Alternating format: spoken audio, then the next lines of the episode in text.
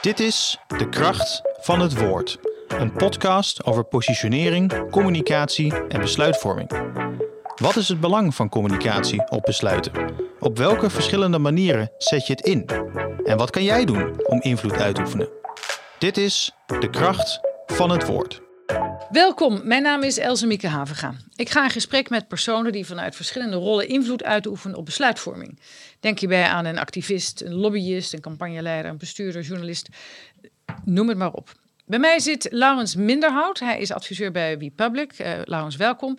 Maar in deze aflevering is Raymond Mens te gast. Raymond is uh, Amerika-kenner en politicoloog. Hij heeft als voormalig campagnestratege gewerkt voor de VVD en is als politiek duider een veelgeziene gast bij onder andere op 1, Vandaag in Site, BNR Nieuwsradio en spindokters. Nou, een heel rijtje, Raymond, welkom. Dat je tijd hebt om bij ons te zitten. Dat is wel bijzonder, ja. Eh, we maken dit uh, als um, uh, gedachte over beïnvloeden vanuit mm -hmm. verschillende rollen. Hè. Um, we kijken nu vooral naar die campagnestratege. Die ja. ben je geweest. Nou, je doet nog natuurlijk veel meer. Is het nou stratege of spindokter? Hoe moet je dat noemen? Wat ik gedaan heb ja. bij de VVD. Uh, ik denk strateeg, omdat spinnen maar een onderdeel daarvan was. Ik was, uh, dat klinkt een beetje uh, officieel allemaal, maar hoofdcommunicatie. Dus ik was verantwoordelijk voor de campagnes van de VVD, maar dan vooral voor de uitvoering. Dus ik zat in het campagneteam met een aantal andere mensen. En mijn baan was dan om terug te gaan naar het partijbureau en met heel veel mensen de marketing of de get out the vote allemaal te regelen. Uh, en dat was strategisch werk. En een onderdeel daarvan is spinnen. Dus ik was ook woordvoerder en dan moet je wel eens een keer wat spinnen. Ja, ja oké. Okay. Komen we allemaal uitgebreid over te spreken. Ja. Ga ik naar Laurens. Uh, jullie hebben het vast heel druk hè, met de verkiezingen die er uh, aankomen. want jullie helpen klanten met de verkiezingslobby, om het maar zo te zeggen. Ik heb altijd een beetje moeite met het woord lobby, maar het is toch gewoon wat je doet. Wat is het belangrijkste advies wat jullie nu geven? Uh, hou het simpel, kort en duidelijk. Zeker in het geweld wat we nu allemaal voorbij zien komen. Dus. Ja, dat is makkelijker gezegd dan gedaan, denk ik. Zeker. Ik denk dat uh, mensen soms, of bedrijven soms moeite hebben om te kiezen tussen wat ze onder de aandacht willen brengen. En het aan ons de taak om daar uh, wat, wat duiding aan te geven. Goed, Mijn kom... eerste baantje toen ik uh, uh, afgestudeerd was, was bij een vereniging. En het was ook vooral een vereniging die namens het bedrijfsleven lobbyde. En ik was zo'n jonge communicatieadviseur. En mijn eerste taak was, had ik mezelf opgelegd, uh, afstand te nemen van het woord lobbyen inderdaad. En iets anders verzinnen. Maar ik heb nooit wat anders kunnen verzinnen. Public affairs. Dus ja. ja. maar dat, ik dat... wil ook niet iets Engels. Nee. Belangenbehartiging is het, maar dat was weer een beetje lang en onduidelijk. Dus uiteindelijk heb ik me na een paar jaar erbij neergelegd dat we lobbyen. En dat lobby is wat je verkoopt. Maar ja, het staat niet dit, echt het, lekker. Het, is een beetje, het voelt een beetje voelt alsof vies. het niet echt is. Hè? En ja. dat wil je natuurlijk wel. Want uiteindelijk weten we ook wel dat als het niet echt is, prikken mensen daar ook ja. uiteindelijk doorheen. Goed, um, uh, Raymond, we gaan even naar die, naar die, uh, die rollen die je inmiddels hebt als stamgast bij al die tafels. ja. Wauw. Um, uh, als Amerika-deskundige, maar ook als politicoloog. Dus ja. dat komt voorbij. Overigens moet je, als je aan zo'n tafel zit, van alles verstand van hebben. Hè? Zelfs van sport, denk ik inmiddels. Ja, hoeft niet, hoeft niet. Ik vind dat je moet dicht bij jezelf blijven. Dus uh, kijk, zeker bij Vandaag in Site, als het dan over voetbal gaat, dan denk ik, uh, Johan, die gaat dan los op een of andere linksbuiten. Uh, René ook. En dan denk ik, zit de kijker er dan op te wachten dat ik daar ook nog eens wat van vind. Want ik heb daar ook geen verstand van. Dus dat doe ik dan niet, maar ik stel bijvoorbeeld wel vragen. Oké, okay, goed. Doen. Helaas, maar wat je aan het doen bent daar aan die tafel, is toch eigenlijk ook een vorm van beïnvloeding? Ja, ik denk daar zelf nooit zo over na, maar dat is uh, wel zo, ja. Ik heb een, ik heb een goede vriend, uh, waar ik af en toe biertjes mee ga drinken, en die neemt het leven heel erg zwaar. Te zwaar, vind ik. Maar die zegt dan tegen mij van, ja, jij, moet, hè, jij hebt een verantwoordelijkheid. Want jij zit overal en je praat tegen heel veel mensen. En, uh, en denk je er wel eens over na? Zeg ik, nee Marco, daar denk ik eigenlijk zelden over na. Um, je hebt natuurlijk wel invloed inderdaad. Maar mijn doel is niet om invloed te hebben. Wat ik leuk vind is twee dingen. Uh, ik heb toevallig een hobby, dat is Amerika. En ik vind als je van je hobby je werk kan maken, moet je doen. Dus ik vind het leuk om erover te praten. Uh, en uh, wat ik ook leuk vind, is om iets wat voor mensen dan complex kan lijken, namelijk die verkiezingen in Amerika, hoe zit dat allemaal, om daar op een heldere manier over te vertellen. Maar zij moeten dan hun mening kunnen vormen. Dus ik ga niet vertellen wat ze moeten denken. Dus de vraag is, ben je dan aan het beïnvloeden? Ik ben wel evenwicht in de discussie aan het brengen, denk ik. Oké, okay, nou goed, dat, dat is je dan. Ja, dat je zou invloed dat zou zijn. Ja, dat is een bepaalde invloed, ja. misschien toch, door, door te informeren. Hè? Uh, Amerika komen we zo meteen ook eventjes op terug. Maar um, even terug naar uh, de Nederlandse verkiezingen en, en die campagnes die er nu aan, aan het komen zijn en je campagnestrategie, wat je hebt gedaan hè, bij de VVD. Je hebt al iets over verteld, hè? maar wat is nou je belangrijkste taak als campagnestratege? Uh, nou ja, in mijn geval was dat ervoor zorgen dat zo'n campagne, als je die. Kijk, je bent uiteindelijk, uh, dit, deze, deze keer is het kabinet gevallen, maar over het algemeen weet je vrij lang van tevoren dat er verkiezingen aankomen. Dus je bent kiezersonderzoek aan het doen, je bent met allerlei bureaus aan het praten, er moet uh, met de lijsttrekkers gesproken worden, of in ieder geval de lijsttrekker en alle andere kandidaten. En vervolgens moet daar een strategie uitkomen. En mijn taak was dan om die uit te voeren. En dat doen we dan, zoals we dat dan zeggen, in de hete fase. Dus de hete fase is twee, drie weken voor de verkiezingen, want hoewel wij het er nu over hebben, gaan de, gaat de gemiddelde Nederlander pas twee, drie weken voor de verkiezingen eens kijken, hey, op wie zou ik stemmen?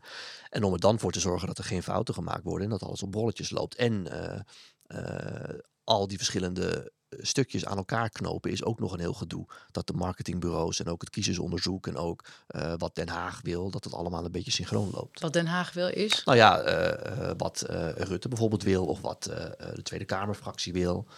Wie is eigenlijk de belangrijkste in zo'n uh, in dit hele spel? Is dat de, de, de, de zeg maar nu uh, Dylan als, als ja. de, de voorvrouw? Of ja. toen het tijd dus. Want jij zat tussen 7, 2017 2019 ja. hè, in die periode. Um, dus toen had je met Mark Rutte te maken. Ja, kijk, uiteindelijk is Mark Rutte natuurlijk het belangrijkste. Ja, dat geldt nu ook voor Dylan. Uh, maar de overleggen en de uh, met name strategische uh, dingen die je met elkaar uitstippelt, ja, dat doe je met het campagneteam. Dus daar zitten dan een x aantal mensen in die weer hun eigen mensen aansturen. Hè. Dus ik zat erin, maar de Kees Berghuizen van deze wereld, Sophie Hermans was toen campagneleider, die zat er namens de Tweede Kamerfractie in. dat zijn de mensen waar je het meest mee werkt ja. op zo'n moment. Ja. Was je eigenlijk succesvol toen? Hebben jullie het goed gedaan in die periode? Uh, volgens mij wel, ja. De, uh, het enige wat niet zo lekker ging, is dat wij toen nipt verloren hebben bij de provinciale statenverkiezingen. Toen nog voor Forum uh, voor Democratie. Oh, ja. Dat was toen een twee-strijd. maar verder ging dat wel goed, ja. Heb je dan ook echt een vastgezette strategie die je zeg maar van A tot Z probeert te volgen? Of ja. zit daar echt, uh, er gebeurt natuurlijk veel in zo'n campagne. Ja, beide. Dus je hebt een vastgezette strategie en die probeer je van A tot Z te volgen. Maar ja, uiteindelijk gaan er allerlei dingen gebeuren die van tevoren natuurlijk niet kan voorzien. Dat kan je een voorbeeld geven daarvan? Zeker met die forum, wat natuurlijk toch opeens in, in hype werd.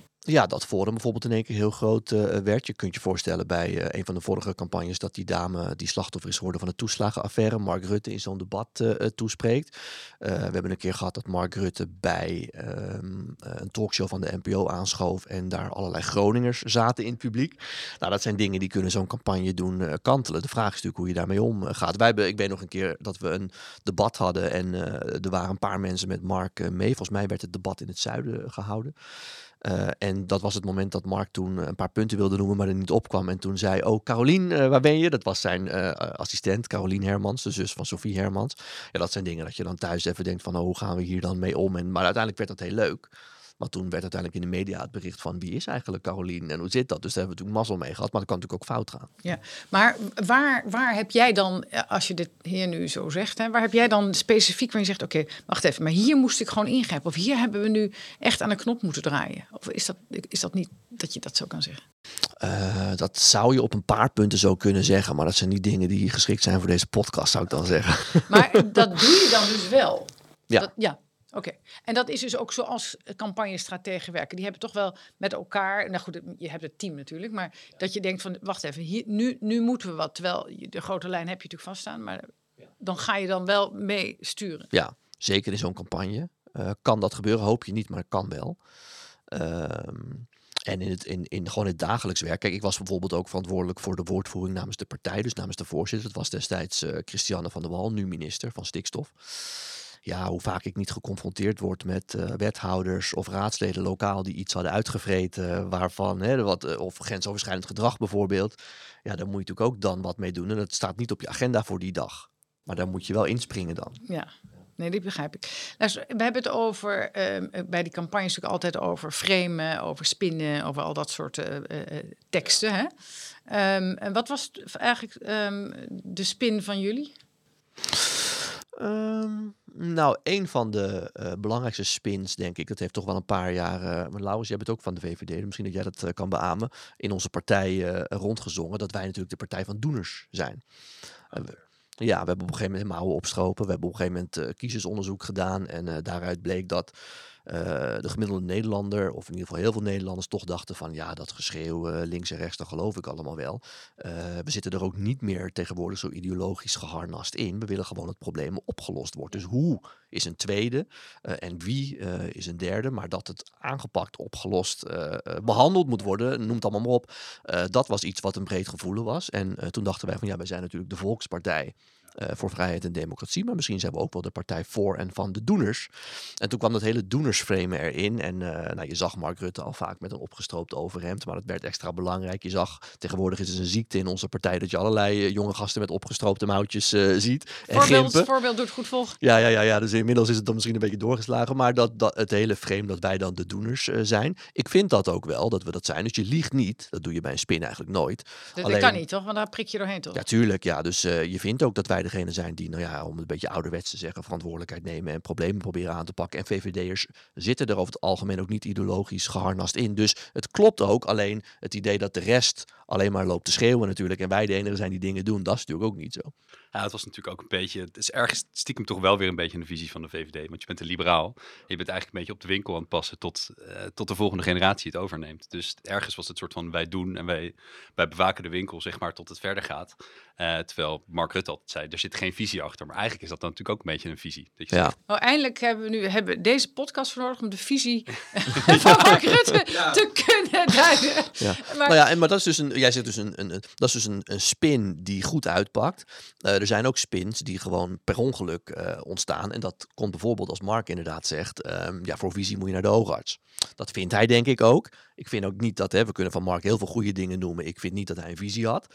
Um, uh, dus het is ook nog waar ook dat hij dat dan zegt, maar dat is iets wat dan uit de hand loopt op een gegeven ja, moment. Daar, moet je, ja, hoe krijg mocht je dat hij dat ook niet meer zeggen. Het is, het is ook een beetje Timmermans die bij de aftrap zei van ja, ik woon in een heel groot rijtjeshuis, want het was dus een miljoen waard. Ja, dat zijn dingen die zal ongetwijfeld ook zo zijn, maar die dan uit de hand lopen. Zo'n spin kan natuurlijk ook aan je blijven kleven. Ja, en dan, en dan loopt hij verkeerd. Juist, en dat vind ik ook met die visie. Hoewel het wel waar is dat uh, natuurlijk Mark geen visie had. Dat interesseerde hem ook niet.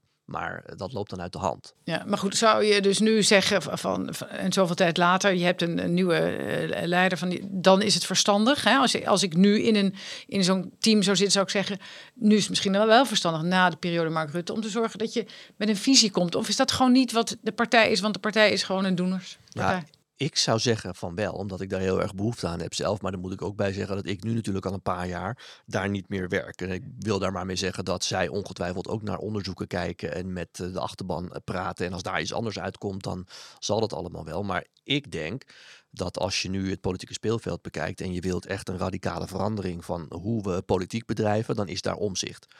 Uh, en uh, nou ja, wil je meer opkomen voor hè, de boerenbelang en alles wat daarachter zit, heb je de boerburgerbeweging. Zo zijn er heel veel partijen. Ja, dan weet ik niet of het frame van wij zijn de doeners. Nee. Vanuit de VVD, maar, maar daar komen ze nog... nu toch ook niet mee? Nee, nee daar komen ze nu niet mee. En daarbij de vraag is wat, of datgene wat er gebeurd is, namelijk gedaan is, maar dan zou dat allemaal even goed was. Ja. Nee, dat is wat anders. Ja. Maar, maar jouw vraag was inderdaad ja. dan van, hè, heb je dan nu in dit tijdsgevricht wat meer behoefte aan visie? Nou, ik zou zeggen van wel, zeker uh, na 14 jaar Mark Rutte. Dat heeft hij hartstikke goed gedaan, maar dan wil je ook een, een soort verandering en wil je misschien laten zien waar je voor staat. Ja, goed. Dat heeft misschien ook een klein beetje tijd nodig. Dat zeg ik als lid hè, van de ja, DVD. Ja, ja, dus, okay. uh... Goed, we gaan even terug naar, dat, naar, naar het, het spinnen en het framen. Hè. Daar zijn jullie natuurlijk ook hartstikke uh, druk mee uh, om dat te doen om, voor jullie klanten. Omdat Absoluut. je op een of andere manier dan de aandacht wil krijgen. Um, hoe doen jullie dat? Nou, ik denk dat er zit wel een fundamenteel verschil onder ten opzichte van een politieke partij versus wat wij adviseren richting een organisatie. Want ik denk, een politieke partij wil zich denk ik per definitie afzetten tegen andere partijen.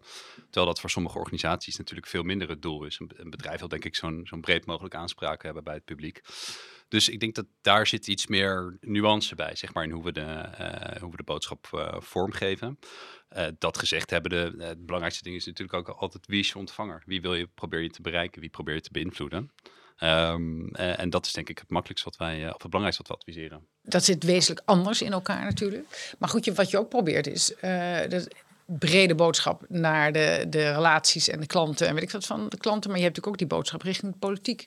Ja. Um, dat lijkt me dan wel heel specifiek. Want ja. dan heb je niet die brede doelgroep. Zeker, het hangt er inderdaad een beetje vanaf of je dat uh, breed uh, naar buiten probeert te brengen of echt naar een politieke partij, bijvoorbeeld zoals nu in een verkiezingsprogramma.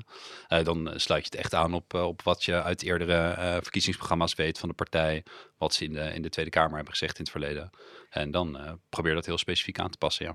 Maar geef eens een voorbeeld dan. Wat zou eh, uit het verleden? Wat zou je kunnen zeggen van? We hebben, je hebt nu een, uh, noem maar wat, uh, een, een kla- ja, je, ik begin, hij begint te lachen. Dat is radio dit, maar, maar een soort van voorbeeld waarvan je zegt dat zou echt is echt een boodschap waarvan we weten, dan moet je naar die of die partij, want daar, daar gaat het dan ook over vaak, of niet? Nou, het grappige is het, voorbeeld wat met de binnenschoot is dat je natuurlijk eigenlijk niet naar de VVD moet met een pleidooi voor een inkomensafhankelijke zorgtoeslag, om maar wat te noemen. Dan gaan er denk ik wat trauma's uit het verleden uh, spelen. Maar ik denk als je bijvoorbeeld op duurzame onderwerpen kom je toch eerder denk ik bij een D66 of GroenLinks terecht die daar ontvankelijk voor zijn. Maar nu zit je misschien ook wel stiekem naar die peilingen te kijken. Ik kan nu wel naar uh, D66 gaan, maar in de peilingen die zo meteen helemaal. Kan je, bedoel, moeten we daar dan wel heen? Ja, nou, ik denk dan moet je, de, je probeert natuurlijk altijd zoveel mogelijk impact te genereren voor je klanten. Uh, dus natuurlijk de grote partijen, zeker nu in de peilingen, zijn ook wel je, je primaire doelwitten. En daar probeer je ook wel weer haakjes te vinden in wat een politicus in het verleden heeft gezegd. Wat er op dit moment uh, in het nieuwe verkiezingsprogramma staat of in het verleden heeft gestaan. Maar dan wordt het interessant, want met zo'n partij als Omzicht weet je natuurlijk eigenlijk helemaal niet wat voor mensen daar zitten tussen jullie nee. uh, hele, hele public affairs wereld is een beetje op zijn kop. Zeker. Nou, zeker toen de BBB natuurlijk uh, opkwam, uh, zagen we dat ook wel echt als een kans. Omdat ze natuurlijk nog niet heel veel uh, gedetailleerd beleid hadden op, op heel veel onderwerpen. Dat het ook de mogelijkheid biedt om daar zeg maar, concrete input op te leveren en het gesprek gewoon aan te gaan. Van hey, wij vinden dit over een, over een bepaald onderwerp of een bepaald thema. Daar zouden we graag over in gesprek gaan. En dan ben je eigenlijk een onbeschreven blad een beetje aan het beschrijven. Maar is het dan zo dat je. Is het nou, dan... Ik denk wel eens dat de beste lobby voor een bedrijf nu is als je het kan uh, leiden om gewoon één werknemer te offeren en die te laten solliciteren bij een van die twee partijen. En als je dan hoog op die lijst staat. Hey, Dit is wel een Ja. spindokter ja, hier. uh, dat is een hele grote Ja. spin. ja. Ja, maar goed, dat is een andere carrière dan. Het gaat er ook Ja, over. ik zou dat niet adviseren. Nee, hoor. maar het gaat Het zou ook wel het meeste resultaat opleveren natuurlijk. dat- Ongetwijfeld. Ja, dan heb je geen dubbele petten. Maar- Maar dat is wel een mooi bruggetje naar Amerika. Want zo doen ze dat daar vaak natuurlijk wel, Raymond. Nou, ik wil eigenlijk nog vragen, als het mag, hoe je dat dan doet. Stel dat het omzicht heel groot wordt, 35 zetels. Ken jij daar mensen dan? Of, eh, want je hebt natuurlijk wel vaak dat dezelfde mensen bij verschillende partijen, hè, dat zijn Ja. de gelukzoekers, Ja. opduiken. Nou ja, kijk, probeert natuurlijk altijd te kijken of je een direct eh, lijntje kan Ja. vinden met de partij. Eh, je ziet nu ook bij, eh bij het nieuw sociaal contract dat er echt wel wat oud-CDA'ers eh, die kant op zijn gegaan. Zeker ook als je kijkt naar het partijprogramma. Dit wordt ook geschreven door sommige zelfs volgens mij nu, nu nog CDA-politici. Dus soms kan je daar wel lijntjes ontdekken. Eh, tegelijkertijd is het soms ook gewoon even zoeken van, eh, van moeten we gewoon een, eh, een open pleidooi sturen via een e-mailadres of, eh, of via een be- bevriende politicus. Ehm, en het is ook maar de vraag, eh, zeker bij omzicht, of ze daarvoor openstaan. Jij Nee, maar dat is natuurlijk het interessante. Want ik, ik vind het altijd een beetje ongemakkelijk, hè, dat lobby-woord. Maar Is zo. uiteindelijk is het een, bedoeld om gewoon te informeren ook. Hè? Zeker. Want zo moet je het ook zien. Dus als, het, als je het een beetje voorzichtiger aanpakt. Want Ja. ik denk dat dat niet echt werkt. Dat je belangen ergens echt eh, neer Nee, gaat leggen, toch? Ik denk ook, ik kreeg ooit een keer de vraag, wat is nou eh, het grootste, zeg maar, wat is het argument voor lobbyen? En ik denk ook dat je echt wel beleid beter kan maken. Als je het soms ziet wat voor vragen er bij ons binnenkomen over, ja, er wordt nu beleid over ons uitgestort wat totaal niet aansluit bij de realiteit. En wij hebben daar een veel betere oplossing voor. Nou, dat, zou een mooi, dat is een mooie rol natuurlijk. Hè? Ja, Als zeker. zo ja. doen, ja. We zijn Amerika eh, nog niet gepasseerd, want eh, ik, niet. kwam al even voor, ik kwam al even voorbij. Je bent Amerika-deskundige. We hebben daar ook een, eh, verkiezing eh, die eraan komt, dus drukke tijden voor je. Ehm, als het gaat om framen en spinnen, is dat eigenlijk uit Amerika afkomstig? Die hebben dat toch wel Ja. uitgevonden? Hè? Ja, heel bekend fenomeen in Amerika is, je hebt daar natuurlijk de presidentsdebatten. We hebben er vorige week nog één gezien bij de republikeinse kandidaten die Trump graag willen opvolgen. Trump was er zelf overigens niet, die zei het zijn allemaal losers, dus waarom zou ik daarmee op het podium gaan staan? Dat is ook al spin natuurlijk. Ehm, maar dan heb je, als het debat afgelopen is, de spin room. En daar staan dan alle medewerkers, woordvoerders richting de pers te vertellen dat hun kandidaten toch echt het beste deden. En heb je Lauwers gezien, een flinke uitglijder. En daar begint de spin natuurlijk en daar komt dat vandaan. Eh, dus een goede spin is altijd wel de waarheid. Maar zou je het leuk loopt er- zijn als wij al die spinmensen ook gewoon in een kamer zetten en na afloop van het debat eh, ook laten interviewen? In Nederland? Ja, het is natuurlijk heel erg. Amerikaans. Het is nee, maar ik vraag het. Ja, nee, nee, ik snap je vraag. Ik denk dat het te Amerikaans daarvoor is, dus dat dat niet werkt. Maar in Nederland hebben we natuurlijk wel de variant daarop dat er heel veel mensen aan talkshowtafels zitten Met natuurlijk ook belangen eh, die daar ook een bepaalde spin. Ik bedoel, je, je wil niet weten, dat heb jij vast ook gezien, hoeveel CDA's ik de afgelopen eh, twee weken in talkshows heb gezien. Die zeiden van ja, die Bontebal, zo heet hij toch, Bontebal? Ja, zeker. Die is gepresenteerd van eh, ja, ja, niemand kent hem inderdaad. Maar ja, de laatste keer dat dat gebeurde, Elsemiek, dat was in 2002, kende ook niemand Jan-Peter Balkenende. En kijk eens hoe dat toen gegaan. Dat is natuurlijk ook al een spin en dat zie je in al die Maar talkshows zouden ze dat allemaal bewust doen? Dat, dat- Ja, dat, zouden, doen ze allemaal bewust. Ja, Nou ja, oké. dus dus Ja. het is toch wel iets professioneler dan zoals het overkomt soms. ja zou ik wel zeggen. ja. Oké, nou dat, dat stelt mij dan weer een klein beetje Heeft het in. Amerika niet ook te maken met het feit dat je natuurlijk heel vaak gaat het echt om de persoon politici. Ja. Terwijl in Nederland dat eh, veel minder is. Ze hebben natuurlijk volgens mij uitgeprobeerd met Frans Brusselmans Ja. eh, door de SP. Nou, dat is, heeft eh, ja. Frans Timmermans een verkiezingswinst opgeleverd. Ja, ja dus, dus de ene component is inderdaad dat. Ja, omdat, kijk, Amerikanen kiezen vaak tussen degene die ze het minst erg vinden. Want je hebt uiteindelijk maar twee kandidaten die er overblijven. Dus ik zeg altijd, als je Joe Biden en Trump eh, weer krijgt, nou dan moet je eraan denken dat we in Nederland twee partijen zouden hebben. De ene partij die is gekaapt door Geert Wilders. En de andere partij die heeft Dries van Acht met pensioen teruggehaald. Nou, dan moet je kiezen. En ik zou zelf nu niet op Geert Wilders stemmen, maar in die tweestrijd denk ik wel. Nou, eh, dat Zo is gaat Ameri- dat, Ja. ja. is in Amerika ook zo. En dan is het vooral zaak om de ander zwart te maken. Dat is eh, één. Tweede component daaraan is dat er in Amerika natuurlijk ontzettend veel media, nieuwsmedia zijn, nieuwszenders. En het gaat allemaal snel, snel, snel. Dus eh, om een voorbeeld te geven. Als eh, er uitgebreid onderzoek is gedaan door de oud-voorman van de FBI naar de banden van Trump met Rusland. En die levert een document daarvan af, waarin staat dat eh, Trump wel degelijk met de Russen heeft samengewerkt. Maar goed, bewijzen is lastig en die geeft dat aan de minister van Justitie. De minister van Justitie maakt dat nog niet openbaar, maar zegt wel in een brief naar de pers. Ik heb het rapport inmiddels zelf gelezen, eh, geen enkel bewijs voor eh, verband met de Russen. Ja, dan gaan die nieuwsmedia daarop los. En dan gaat het drie dagen lang in Amerika over Alleen maar dat er geen bewijs is gevonden. En dat dan die voorman van de FBI een paar dagen later zegt van ja, maar dan moet je echt het rapport lezen, want er is wel degelijk. Ja, dat maakt dan niet meer uit. En dan is die spin dus, die heeft al de overhand genomen. En na zo'n debat is dat dus ook belangrijk. Dat je zegt, ja, Else Mieke, heb je die gehoord een paar keer? Die deed echt heel goed. En die liet eh, die andere gozer alle hoeken van de kamer zien. En dan is dat beeld is gezet. Ja, die begrijp ik. Ja, maar dat is mooi. Dat is mooi. Nee, dat is mooi. Leuk. Leuk voor je. En maar, Dat noteren we met veun. maar, maar nu eventjes toch naar, naar ehm, eh, de interessante situatie dat eh, Trump natuurlijk wordt aangeklaagd voor van Ja. alles en nog wat. En de water die meer voor komt rijden bij een of andere justitie, het stijgt in de peilingen. Ja. Wat is dat in hemelsnaam? Ja, dat, eh, dat heeft heel veel componenten. Maar één van die componenten is hoe de media werken. En ehm, eh, de media in Amerika zijn heel erg verdeeld. En die zijn onderdeel geworden van eh, de politieke tweestrijd in Amerika. Hè. Dus Fox News. Als je daarnaar kijkt, dan zie je vooral het nieuws en de berichtgeving vanuit Trump. En kijk je bijvoorbeeld naar MSNBC.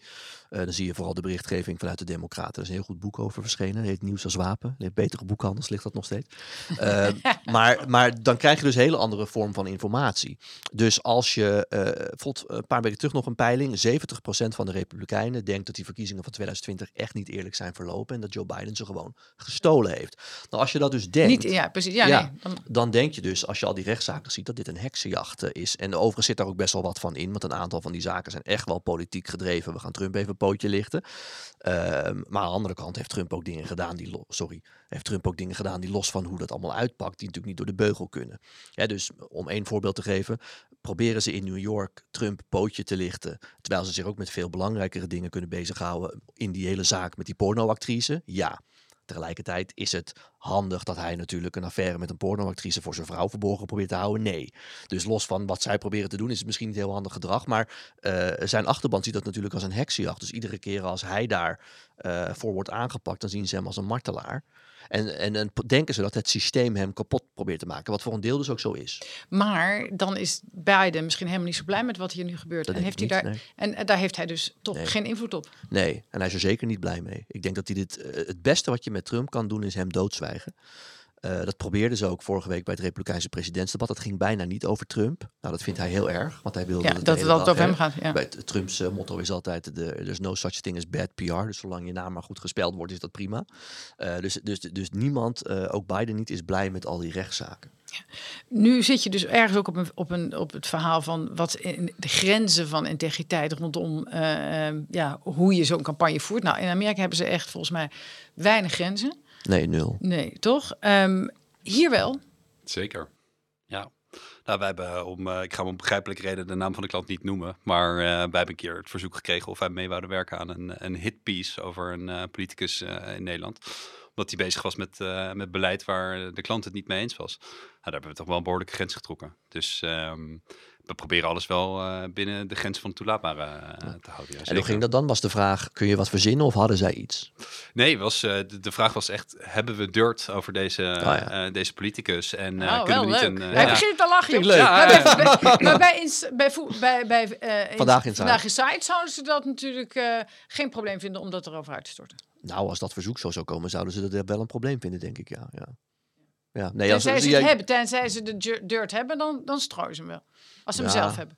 Ja, dat, nee. Weet ik niet, ik vraag Als de redacteuren het zelf vinden, dan is het oké. en dan, Als ze het uh... zelf vinden, dan is het anders. Ja, dat, dat begrijp ja. ik, ja. Ja, als ze het zelf vinden. Of, uh, kijk, het is wel zo, stel dat dit uh, in op één zou worden besproken. besproken hè, dat er inderdaad een bedrijf was dat wilde dirt over een politicus uitstorten. Dan gaan zij het er vervolgens over hebben wat ze daarvan vinden. Maar ik denk niet als jij naar hun toe gaat en zegt van... hé, hey, heb je dit al gehoord? Dat ze dat dan zouden doen. Nee. Dan laten ze zich denk ik niet voor lenen. Nee, dat nee. is mooi. Dat is goed, ook goed om te weten. Um, nou, we gaan nog even tot slot terug naar die verkiezingen die wij nu uh, allemaal uh, aan het uh, bekijken zijn. Van wat moeten we er allemaal mee? Nou, um, met dit enorme landschap wat aan het verschuiven is, met omzicht, met BBB, ja. noem maar op. Um, wat is het belang belangrijkste advies wat je kan geven aan, vanuit, jou, vanuit jouw rol, aan de campagnestrategen die nu aan het werk zijn? Wat zou je nou, wat zou je nou in ieder geval wel of niet moeten doen? Um, nou ja, mijn advies zou dus aan de VVD zijn dat ze echt met een verhaal nu moeten komen. Maar dat zeg ik erbij. Ik heb de uh, kiezersonderzoeken niet gezien, dus misschien uh, wijst het Maar goed, dat is voor de VVD. Maar wat zou nou, ik denk veel interessanter, bijvoorbeeld een CDA of een D66, die nu uit de, in de peilingen blijken heel laag te zijn. Hè? Wat, wat, wat ja, kan je dan? Wat, nee, maar wat kan je dan? Dat is mijn vraag. Ja, volgens mij als je in de hoek van de klappen ja, zit waar de klappen vallen, volgens mij kun je dan eh, eh, weinig. Eh, het enige wat je zou kunnen doen, dat zou ik doen als ik nu bij het CDA bijvoorbeeld zou zitten en ik zou om Bontebal heen zitten, zorgen dat het niet te veel op hem afstraalt. Dus eh, er zijn nu allemaal negatieve. Hè? Wij zagen net nog in de Telegraaf een spotprint van Hoekstra die in een zinkend bootje het eh, eh, reddingsvest ook nog weggooide en zei van eh, succes ik met zit de partij. Brussel, ja.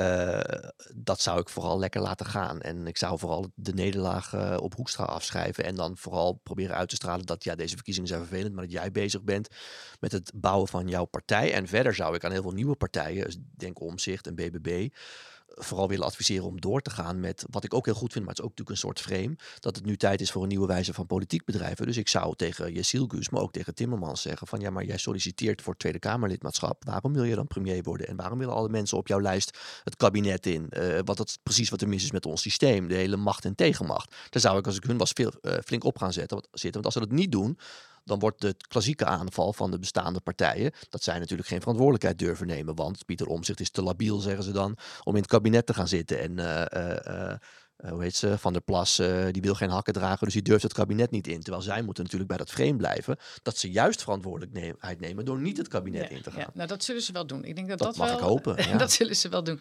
Oké, en eh, tot slot eh, even bij jou. Ehm, wat zou jij nu als belangrijkste advies geven? Welke partijen moet je nou, eh, voor je klanten, moet je nou het meest in de gaten houden nu? Oeh, eh, ik moet eerlijk zeggen, het heeft nog nooit zo open gelegen in de tijd dat ik me met politiek eh, bezig hou. Maar ik denk natuurlijk de, de obvious, het nieuw sociaal contract van Pieter Omtzigt, BBB, Partij van de Arbeid GroenLinks. Eh, ik vermoed dat we ergens nog wel een eh, tweestrijd zullen eh, gaan ontwikkelen in, de aanloop naar de verkiezingen. Dat hoop ik, zou ik ook mooi vinden. En natuurlijk de VVD, ondanks het feit dat ze nu wel eh, volgens mij in een downward spiral zitten. Oké, maar goed, we weten, de campagne is nog niet begonnen, Het hè? is ook heel Nee. leuk, hè, trouwens. Want eh, ik ben lid van de VVD, maar het is ontzettend leuk dat we net als twintig jaar geleden ontzettend spannende verkiezingen krijgen. Eh, en dat voert v- bij mij wel de boventoon. Dat ik denk van het wordt heel spannend en eh, de boel wordt opgeschud. Dat is ook gewoon heel leuk. Zeker, zeker leuk. Ja. Dankjewel dat je hier wilde zijn. Tussen al je talkshows, eh, gastschappen in, zou ik maar zeggen. Laurens, jij succes met eh, al je werken om eh, de juiste dingen bij de juiste mensen terecht te krijgen. Ehm, dit was De Kracht van het Woord met als gast politicoloog en Amerika-kenner Raymond Mens. Wat mij betreft heel graag tot de volgende keer.